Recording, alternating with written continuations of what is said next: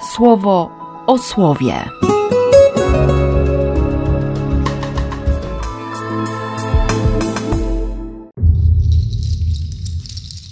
Dwudziesty siódmy kwietnia, środa. Nawet cień Piotra był miejscem, w którym Bóg czuł się tak swobodnie, że, że po prostu uzdrawiał. Nie? Wszystko to sprawiło, że wielka zawiść ogarnęła arcykapłana i jego załóżników z frakcji Saduceuszy. Aresztowali więc apostołów i wtrącili do więzienia. Jednak w nocy anioł wysłany przez Pana otworzył bramy więzienne, wyprowadził ich na zewnątrz i rzekł: Idźcie śmiało do świątyni, dalej nauczajcie lud, przekazując mu całe Boże Słowo, gdyż to w nim zawarta jest moc odwiecznego życia. Lubię ten przykład dynamiczny o tyle, że że tak jak e, w Targumach pierwszego przymierza widać o wiele szerzej rozwiniętą myśl, którą prawdopodobnie autor dziejów faktycznie na myśli miał. I rano w więzieniu ogromne zdziwienie. Więzienie starannie zamknięte, strażnicy przy bramie, ale po otwarciu lochów w środku nikogo nie było. Anioł po prostu przyszedł, wyprowadził wszystkich bo mieli iść śmiało do świątyni. I mieli mówić, mieli świadczyć, mieli nauczać, przekazując słowo Boga. Nie swoje słowo, ale słowo Boga. Słowo, w którym jest zawarta moc odwiecznego życia. To jest słowo Boga. Ono nie będzie skrępowane. Ono nie będzie w niewoli, a nawet w niewoli nie będzie zniewolone. I co też jest ważne, to mnie tak dotyka mocno ostatnio, ono nie będzie zniewalające. Zawsze pozostawia wybór. Nie? Słowo zawsze daje wybór, jeśli chcesz.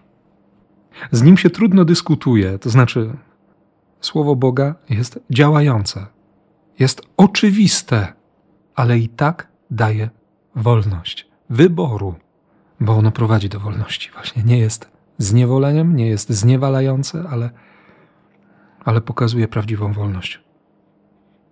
Dlatego Piotr z odwagą powie, i to usłyszymy jutro: Boga trzeba słuchać bardziej niż ludzi. I już dziś we mnie pracuje to zdanie, bez dwóch ostatnich słów. Boga trzeba słuchać bardziej.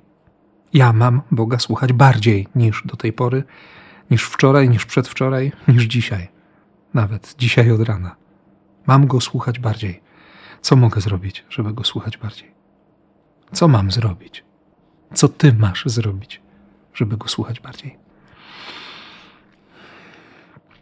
Żeby usłyszeć dzisiaj tę nikodemową rozmowę nie? w nocy, w jakiejś ciemności, w ciemności, w ciemności Nikodema, w tym zamieszaniu, zmieszaniu, w jakiejś próbie odkrycia, znalezienia prawdy. A Jezus powie do Nikodema: O Nikodemie, jak możesz być nauczycielem Izraela? nie rozumiejąc spraw tak podstawowych. I później od czternastego wersetu. To jeszcze jedno zdanie przed dzisiejszą Ewangelią.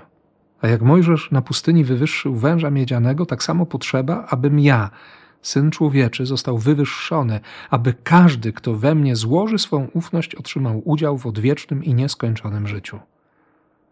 I tutaj NPD podaje, tak właśnie Jezus uświadomił Nikodemowi, że Bóg tylko w jeden sposób okazał światu swoje zmiłowanie, wydając swego jedynego, prawowitego Syna za grzech tego świata, aby każdy, kto trwa w ufności do Niego, nie zginął, lecz otrzymał życie, to odwieczne i nieskończone.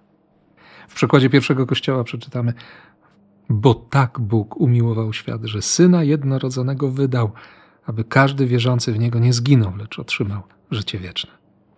Słuchać Boga bardziej, usłyszeć, przyjąć, przejąć się tym słowem, pozwolić Bogu uświadomić mnie, Tobie, że jest tylko jeden sposób okazania zmiłowania, okazania miłosierdzia.